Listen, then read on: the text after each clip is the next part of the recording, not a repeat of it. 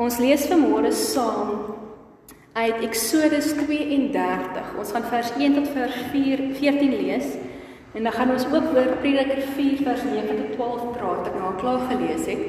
Dit is 'n bietjie klein bietjie verander die kinders om kan verstaan maar julle almal ken die gedeelte baie goed. So ons gaan dit saam lees. Eksodus 32 vers 1 tot vers 14. Julle behoort die verhaal te ken.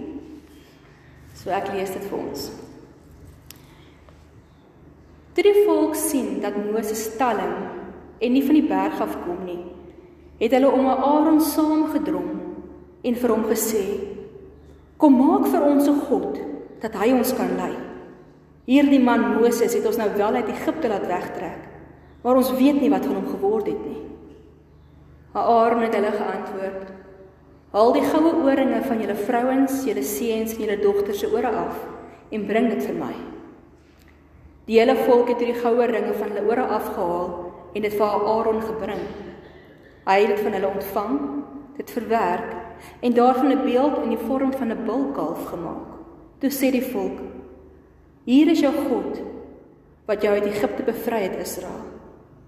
Toe Aaron dit hoor, het hy 'n altaar voor die beeld gebou en uitgeroep: Môre is daar 'n fees vir die Here. Vroeg die volgende môre het die volk brandoffers en maaltydoffers geoffer. Daarna het die volk begin fees vier en losbandig te kere gegaan. Toe sê die Here vir Moses: "Klim van die berg af, want jou volk wat jy uit Egipte laat wegtrek het, het iets vreesliks gedoen.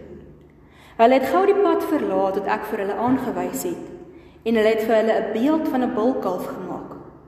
Nou aanbid hulle hom en bring vir hom offers en sê: "Hier is jou God wat jou uit Egipte bevry het, Israel." Verder het die Here vir Moses gesê: "Ek het gesien dat dit 'n opstandige volk is hierdie. Moet my nie probeer keer nie. Ek is toornig op my volk en ek wil hulle vernietig. Vir jou sal ek dan tot 'n groot nasie maak." Maar Moses het by die Here sy God gepleit en gesê: Here, waarom is U toornig op die volk wie U deur U groot mag en met kragtige dade uit Egipte bevry het? Waarom moet die Egiptenaars kan sê hy het die Israeliete bevry met die bose plan om hulle tussen die berge dood te maak en heeltemal te vernietig? Laat die toorn bedaar en wees U volk genadig. Moet tog nie die ramp oor hulle laat kom nie. Dink aan wat U met die eed beloof het aan die dienaars, aan Abraham, Isak en Israel. Toe U vir hulle gesê het: Ek sal julle nageslag so baie maak soos die sterre aan die hemel. Die hele landstreek wat ek beloof het, sal ek vir julle nageslag gee om altyd in besit te neem. Toe het die Here daarvan afgesien om die ramp waarvan hy gepraat het oor sy volk te bring. Ons lees dit daar. Nou net so 'n bietjie agtergrond te gee wat voor Eksodus 32 gebeur het vir ingeval julle geheue dalk nie heeltemal so vars is nie. Ons ken die verhaal van hoe Israel uit Egipte uitgelei is deur Moses, die 10 plaae wat gebeur het, hoe hulle gestap het, hoe die Here hulle gelei het met 'n wolk en 'n vuurkolom, die Rietsee oop gegaan het, hulle daardeur gegaan het om aan die ander kant uit te kom die Egiptenare verdrink het in die see en hulle toe op hierdie reis gegaan het in die woestyn. Toe kom ons by wat ons in Eksodus 20 lees, hoe God hulle by die berg Sinaï ontmoet. En hoe daar weer ligstrale is en donderslae en 'n trompet geskal en ramshorings geblaas. En hoe God het hierdie wolk, hierdie ongelooflike magtige verskyning vir Israel 20 gebooie gee waarvan een gebod is: jy mag nie 'n afbeelding maak van die Here God nie.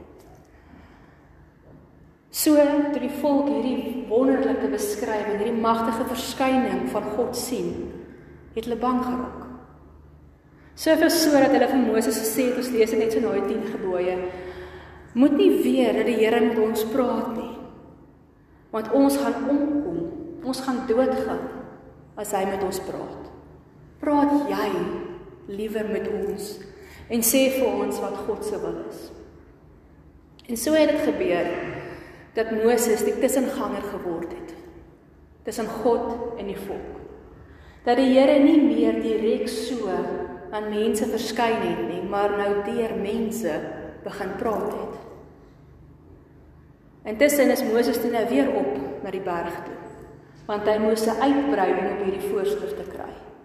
Hy het 'n klomp gekry oor hoe die, die tempeldiens moet wees en 'n klomp goed vir die laaste al die hoofstukke tot hoofstuk 32 is Moses bo by die Here in die Here se teenwoordigheid besig om te hoor wat God vir hom sê. Wat hy nou moet gaan oordra aan hierdie mense wat onder aan die voet van die berg wag. Hierdie mense het begin om vir Moses te volg. Want ons lees hier dat terwyl hulle nou daar staan, het hulle ewe skielik begin sien dat Moses nie van die berg af kom nie. En hulle het begin vra maar, waar is hy? Hoekom kom hy nie af nie? Hulle het dalk selfs gedink dat hy dood is. Hulle sien hulle het angstig geraak, bekommerd geraak. Want hulle het hulle sekuriteit in Moses gevind. Omdat hulle nie meer self God kon beleef nie, omdat hulle nie self die Here se stem kon hoor nie en hulle deur Moses moes hoor, het hulle hulle vertroue in Moses geplaas. En die oomblik toe Moses nie meer daar is nie, Toe Moses 'n bietjie lank vat, toe raak hulle bang. So bang dat ons hier lees, hulle het om Aaron saam gedrom. Nou hierdie samedromming is nou absoluut hierdie ding wat 'n mens kry wanneer jy 'n groep mense het wat angstig raak, bekommerd raak, wat ons sien op hierdie stadium met um, optogte en strikes en hierdie tipe goed. Dis hierdie same aggressiewe samedromming waarmee hulle na Aaron toe gekom het en gesê help ons. Want hierdie man Moses wat ons uitgelei het is weg. En die implikasie daarmee saam God is weg. En daarom kom hulle met hierdie versoek na Aaron toe en sê: "Maak vir ons 'n God wat ons kan aanbid." Hulle het iets gesoek om aan vas te hou. Want hulle het nog nie die Here self geken nie. Hulle wou die Here dien op hulle voorwaardes. Soos dit vir hulle gemaklik was. Hulle was nie bereid om te wag nie. Hulle was nie bereid om te wag dat die Here vir hulle kom sê soos hulle gevra het. Vir hulle kom sê wie is hy nie. Aaron kan mens sien is 'n bietjie onseker oor hierdie storie.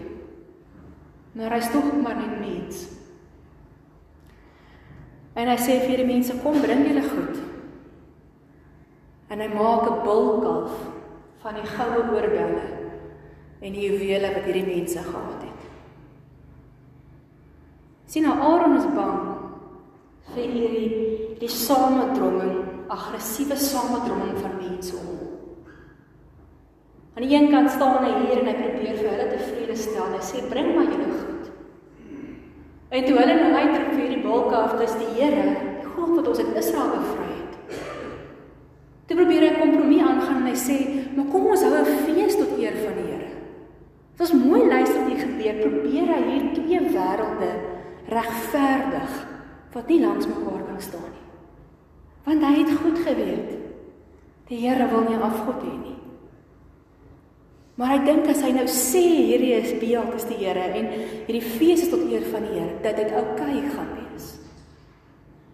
Maar Aaron wys vir ons dat ons dikwels op vir hierdie keuse staan. Ons kan nie een voet sê ons is gelowiges en ons dien die Here en ons wil leef soos 'n Christen, leef 'n kind van die Here. Maar aan die ander kant staan ons halfpad nog in die wêreld en ons wil leef soos dit vir ons gemaklik is. Nie. Hierdie hele verhaal van die goue kalf wat gebou is, gaan oor hierdie wêreld waarin ons wil draadsitters wees. Ons wil die Here dien, maar net wanneer dit ons pas en net hoe ons dit ons pas. Ons wil nie altyd ten volle die sprong maak om God te dien nie. Dit is die storie van die goue kalf. Hoe ons as mense kompromieë aangaan oor hoe ons dink God moet wees. Hoe ons wil hê hy moet wees. Julle sien die rede waarom die maak van 'n beeld in die Bybel verbied was. Is omdat mense gedink het dat 'n beeld, 'n afgodsbeeld, magiese krag, magical powers besit. 'n Spesiale energie. Sodat wanneer as jy na hierdie beeld gebid het en al die afgodsdienste vandag is nou nog so hindoeïsme, so boeddhisme, so alle alle godsdienste werk nog steeds so. Dat as jy vir hierdie beeld bid en naby aan hierdie beeld kom, dan gaan jy ekstra versterk word. Dis om te sê dis soos 'n battery wat herlaai. En as jy net by die battery kom, dan gaan jy nou krag kry. En nou kies hierdie mense om God so te wil manipuleer. Jy wil sê ons maak 'n afbeelding sodat ons spesiale krag van God kan kry. Dis 'n baie interessante ding wat hier gebeur. En om dit so vererger te maak, is dat 'n bulkalf was in die in die Egiptiese gode dom 'n baie bekende uitbeelding. So hulle het God, hierdie magtige God wat so aan hulle verskyn het, wat al hierdie wonderwerke gedoen het om hulle te red, afgebring, verneder tot 'n beeld wat algemeen bekend was. Ons dink hierdie is 'n stupid storie partykeer. Want ons buig mos nou nie voor 'n goue beeldjie nie. Ons sal lag die meeste van ons bedink ons doen dit. En tog. Tog hoeveel keer is dit nie wat ons ook God verminder om by ons te pas nie. Wat ons kies om net dele van die Here te ken en in sekere dele te leef en die ander op sy te sit wanneer dit vir ons ongemaklik of moeilik of wat hierdie verskonings is wat ons ook al het. Ook ons struikel op hierdie geloofspad, nie soos hierdie mense gestruikel het. As God vir Moses sê, hierdie volk het die pad verlaat wat ek vir hulle aangewys het. Ook ons sukkel om God so volkome te dien. Hierdie verhaal se verhaal vandag nog net so relevant is soos wat daar was. Ons maak baie keer staat op ander dinge. Jy weet wat dit is is ons mense, is ons geld, is ons werke, dis ons drome, dis ons eie kragte, dis ons gesondheid. As ons werklik begin kyk na onsself en ons harte begin kyk, dan begin ons besef daar's soveel goed wat ons staak maak om ons te red en vir ons waar ons ons vertroue plaas in plaas van die Here. Ons weet die Here is daar. Ons weet hoe magtig hy is en tog gryp ons eers na hierdie goed. Ons sukkel maar net so daarmee. En kyk wat gebeur in die verhaal. Die oomblik toe die volk dit doen, toe kom God na Moses toe en hy sê vir hom: "Moses, maak gou, klim af, gaan na onder toe, want jou volk wat jy uitgelei het uit Egipte, het 'n vreeslike ding gedoen." Dis eintlik harde woorde wat die Here sê. Want hy sê hiermee met met hoe hy praat, sê net met hoe hy praat, sê hy dat hy afstand doen van hierdie mense. Hierdie mense wat hy met sy eie land uitgelei het. Hierdie mense wat hy belofte gemaak het. Hy stap weg. Dis erg. Hoekom doen die Here dit? Hulle sê die Here gee altyd vir ons 'n keuse. Ek sê dit baie. Die Here soek nie slawe nie. Hy soek mense wat gedwing word om te dien op 'n sekere manier nie. Hy soek mense wat kies om hom te dien. Nie mense wat raadsitters is nie. Nie mense wat nie een voet in die kerk staan en die ander voet lewe soos die wêreld wil hê ons moet lewe soos ons gemaklik is nie. Die Here gee ons 'n keuse. En toe Israel hier sê ons kies om 'n ander God te aanbid Toe sê die Here, reg so. Gaan dan op julle eie af. Maar dit is nie dat ons vinnig geraak is nie. Ons lees dat God toornig is. Dis een van hy woorde in die Bybel wat swaar is, 'n ou woord. Dit beteken God was woedend. Eintlik die Hebreëus beskryf dit baie baie ongelooflik beskryf. Dit is dit beskryf word beskryf as God se neus het beweeg van woede. Julle ken daai prentjies Dis wat ons al baie keer op die cartoon sien. Wat as iemand kwaad raak, hulle neus so beweeg. Dit is daai tipe beeld ons kry. God was regtig kwaad. Hy het nie onaangeraak gesit nie. Hy het hy gesê vir die mense, gaan op julle eie aan. Hy was kwaad. En omdat ons so sukkel, omdat ons so ons eie beelde van God maak, hoe God vir ons gemaklik en gerieflik is, sukkel ons partykeer om te om te verwerk en te deel met hierdie ding dat God kan kwaad raak. Ons op baie keer sê God is liefdevol en God is genadig en sy hart is altyd oop vir ons en dis waar. Dit is wie die Here is. Hy is ons vriend. Hy is ons Vader. Hy is lief vir ons. Hy het sy eie seun vir ons gestuur. Dis waar. Dis een kant van God. Die ander kant van God is ook dat God heilig is. Ons het vanmôre 'n hele paar liedere daar gesing. God is heilig. As God van ons iets vra en hy vra vir ons volkomme toewyding, kan ons nie met hom speel nie. Ons kan nie ligtelik met hom omgaan nie. En hierdie mense wat God so beleef het soos hierdie hulle by Sinaï beleef het met hierdie donderstorms en hierdie weerligte en hierdie ramshorings in wolk en vuur kolomme, hoe kon hulle nie besef hoe heilig die Here is nie? God wil hê ons moet hom dien. Maar dan dien ons hom in volheid. Ons het hom nie net lief omdat hy ons liefhet nie. Ons het hom ook lief omdat hy God is, heilig, groot. En ons kan nie vir God manipuleer en met hom speel en hom maak soos dit vir ons gemaklik is nie. Daarom het die Here kwaad geraak. Want dit is ook in sy aard om homself sy eer te beskerm, om te laat vir ons laat verstaan wie hy is. God is meer as wat ons hom baie keer maak en kies wat hy moet wees.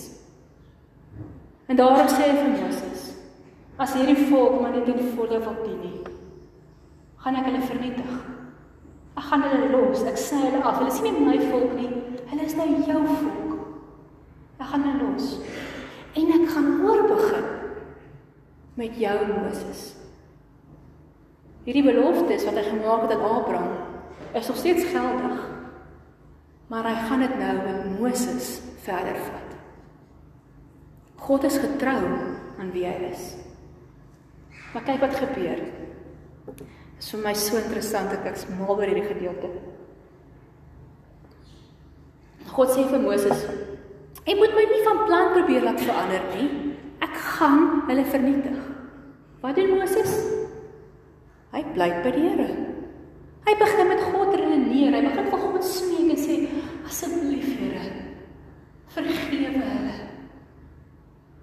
Moet hulle nie tot niet maak nie.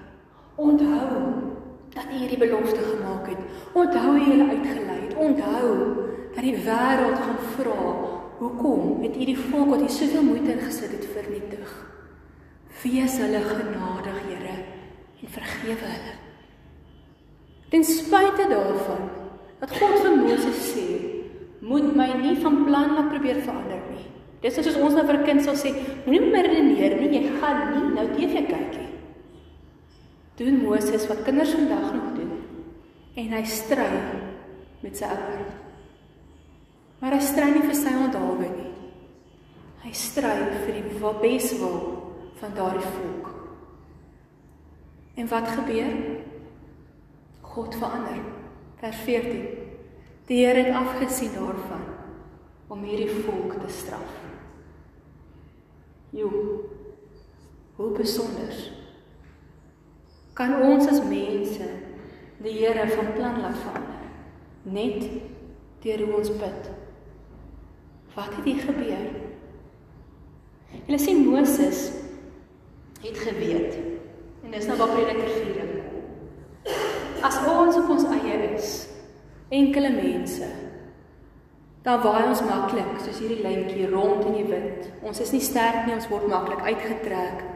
Ons is swak. Hierdie volk wat op hulle eie was, daaronder, afgesny van Moses, afgesny van God, omdat hulle dit gekies het, was soos hierdie lyntjie swak een alleen val. As ons alleen is, val ons. Ons struikel. Ons sien nie altyd vir God raak asof hy is nie. Ons vervorm God dan baie keer soos op ons eie is, soos ons wil hê hy moet wees. En Moses het geweet dat twee vir beter as een. En hy het gaan intree vir daardie volk. En sy gebed het 'n verskil gemaak. Van die begin van die skepping af het God ons in verhouding met mekaar gesit. Om mekaar te help, om mekaar te ondersteun, om mekaar te bid. Ons sien dit dwars deur die Bybel. Gelowiges mag nie alleen wees nie. Want alleen val ons. As ons saam is, is ons sterker. Ons dink so baie keer as ons na ons vriende kyk en ons gesinne kyk en ons dink ons sien iemand val en dink ons verraak ons kwaad en ons het al hierdie ander goed wat aangaan. En partykeer dan kom ons dan wil ons mekaar konfronteer en sê, "Hoor jy, jy's net besig om die pad mis te loop." En al wat gebeur? Ons raak kwaad. Ons beklei. Ons neem aanstoot en sê, "Hoe dink jy jy's beter as ek?" Of vir my te kom sê, "Ek moenie dit doen of dat doen nie, dit is nie die Here se wil nie." Dis hoekom ons as gelowiges begin om glad nie meer vir mekaar te reg te help, te help op hierdie geloofspad nie. Maar Moses se voorbeeld hier wys vir my hoe belangrik dit is in 'n eenvoudige verhaal dat ons mekaar help. Maar daar is 'n verskil. Moses het dadelik afgegaan na Aaron en vir hom gaan vinger wys en gaan reghelp en vir hom uitgetrap oor hoe fout hy gemaak het. Nee. Moses het eers gebid. Daar is plek. 'n Goeie plek waarin ons mekaar moet reghelp. Waarin ons mekaar moet wys, weet jy, hierdie geloofspad wat ons stap, struikel jy. Eenvoudige goed julle om te sê, weet jy wat jy raak meestal vinnig kwaad. Wat gaan aan? Hoor jy moet 'n bietjie oplet. Jou woorde, jy vloek 'n bietjie deesdae baie. Ons mag dit vir mekaar sê. Ons moet vir mekaar sê. Dit is deel van ons werk. Ons moet vir mekaar reg help. Hoor jy was lanklaas by die kerk. Ons mis jou daar. Maar dis hier wat ons eerste moet doen. Eerste moet ons bid. Want wanneer ons bid, dan bring ons God terug in die verhouding in. Ons bring die derde trou in wat gevleg word. En wanneer God terugkom in hierdie verhouding, dan word ons verhouding sterk. Want as jy net kyk wat Moses hier gebid het. Ja, hy het gebid, Here, vergewe hierdie volk. Maar hy het heeltyd vir God herinner wie hy is. Dat hy hierdie mense uitgelei het, dat hy 'n belofte gemaak het, dat sy eer op die spel is. Dis die drie goed waaraan Moses vir God herinner in sy gebed. Hoekom? Het die Here dan nou vergeet wie hy is? Nee. Jesaja 62 vers 6, as ek dit nou reg het. Sê staan daar ons moet God herinner aan sy beloftes. Nie omdat God vergeet nie, maar omdat ons hom dan onthou. As ons die woord bid soos ons baie keer hoor, dan herhaal ons wie God is. Herhaling help ons onthou. Herhaling leer ons weer wie God is. En dit herinner ons hoe nodig ons Here het. As ons alleen is en ons dink ons kan op ons eie aangaan, gaan ons val. So saam bid, herinner ons mekaar wie die Here is. Ons herinner mekaar hoe nodig ons God het. En as God bykom, word ons sterk. Want jy sien Moses het besef dat maak nie saak hoeveel hy doen nie en hoeveel hierdie volk gaan reg lewe nie. Daar's niks op hierdie aarde wat ons kan doen om onsself te red nie. Alleen op ons geloofspad gaan ons val dikwels. Ons gaan partykeer ver val. Dit is menslik. Daarom het God vir Jesus gestuur om vir ons in te staan om ons lewens te kom deurvleg met die Heilige Gees, met die wie hy is. Want as God alleen wat kan red. Selfs hierdie twee toue saam is nie so sterk as die derde tou ook saam nie. En dit geld vir al ons verhoudinge. In ons gesin is, in ons huwelik, in ons vriendskapsverhoudinge, by die werk, tussen families maak nie saak wat nie. Ons is op mekaar se pad gesit om mekaar te help in die geloof. Maar ons kan dit nie alleen doen nie. Ons het God nodig sodat ons nie hierdie fout maak wat hulle hier gemaak het nie. Om God so te verander dat hy vir ons gemaklik is om te aanbid nie. Aan die begin van hierdie gedeelte sluit af. In vers 4 toe God sien wat aangaan hier onder. Toe sê hy vir Moses: "Gaan. Gaan kyk wat aangaan." Ons sien dit nie so mooi in ons vertaling nie. Maar as jy die woorde gaan lees, dan sit werkwoorde op mekaar gestapel. Daar's 'n dringendheid hier in God se hart om te sê: "Moses, maak gou. Gaan help hierdie mense." Al was God kwaad. Baie kwaad. Al was hy heilig. Het hy in sy hart nog hierdie begeerte gehad, hierdie dringendheid gaan help hierdie mense. Die gemeente, dis waar vir ons hier is. Dis waar vir ons geloofsgemeenskap het. Want so help ons mekaar om God in sy volheid aanbid. God se hart is daar dat hy wil hê ons moet terugkom. Dis hoekom hy vir Moses afgestuur het. Dis hoekom hy weer vergewe het. Dis hoekom hy keer op keer vir Israel vergewe het na hulle vir die res van die Ou Testament nog dieselfde foute gemaak het.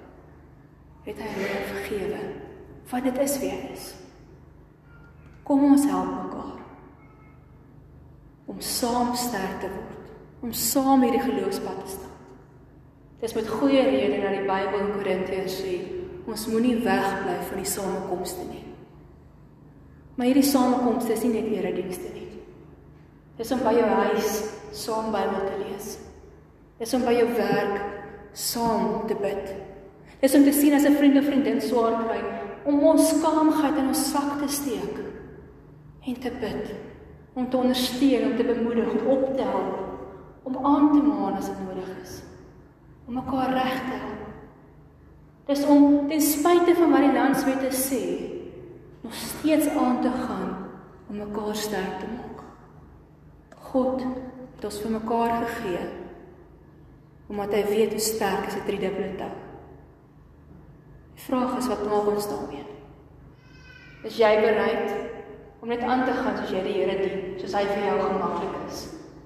En jy sê soos die Here is vir die wêreld vir ons sê, "Me myself and I, en ek is reg en almal anders van my stryd om gaan vlieg." Want dis hierdie wêreld. Maar dit is nie geloof nie. Want gelowiges weet ons val op ons eie. Kom ons versterk mekaar.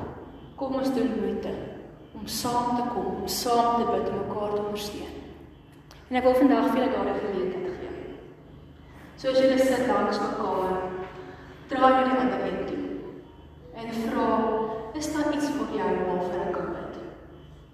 As jy persoonlik skaam is, ons is mos maar skaam. Of jy weet dalk nie, of jy wil dalk nie sê nie, of jy weet nie waarvoor om te bid nie. Bid maar net vir daardie persoon en hulle verhouding met die Here.